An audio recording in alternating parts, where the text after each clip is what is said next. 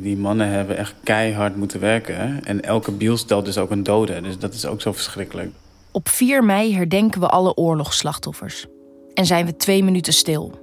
Maar waar denken we dan aan? Dit is het twee minuten verhaal van Daniel Cordus. Die gedwongen moest werken aan de Birma spoorlijn en daar zijn broer verloor. Twee minuten die we nooit mogen vergeten. Zijn kleinzoon Wouter vertelt zijn verhaal vanaf de plek waar het toen gebeurde. We zijn helemaal naar de andere kant van de wereld uh, gereisd. Naar de plek waar jouw opa ooit uh, heeft gewerkt hier. We zitten letterlijk uh, op de spoorlijn, de Birma-spoorlijn. Hoe voelt dat voor jou om hier te zitten? Die mannen hebben echt keihard moeten werken. En elke biel stelt dus ook een dode. Dus dat is ook zo verschrikkelijk. Dat er gewoon zoveel mensen, zoveel uh, krijgsgevangenen dood zijn gegaan... omdat het ook zo snel af moest, uh, afgemaakt moest worden. Nou ja, mijn opa die had zeg maar het voordeel dat hij uh, in Indonesië is geboren. Tropisch klimaat. Dus hij wist, hij wist om te gaan met het klimaat, zeg maar. En evenals zijn familieleden...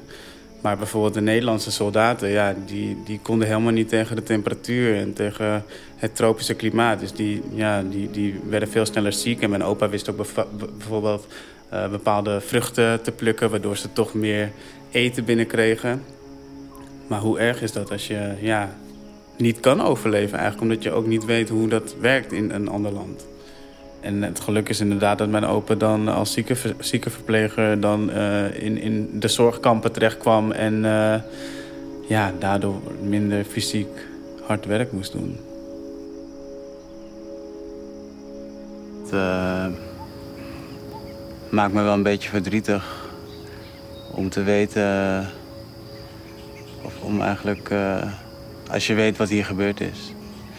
En als je weet wat hij mee moest maken samen met zijn broers. En om te weten dat hij als 19-jarige jongen zijn land moest verlaten, zijn ouders moest verlaten. Ja, de verschrikkelijkheden die hij heeft meegemaakt. Dat is gewoon, ja, bizar.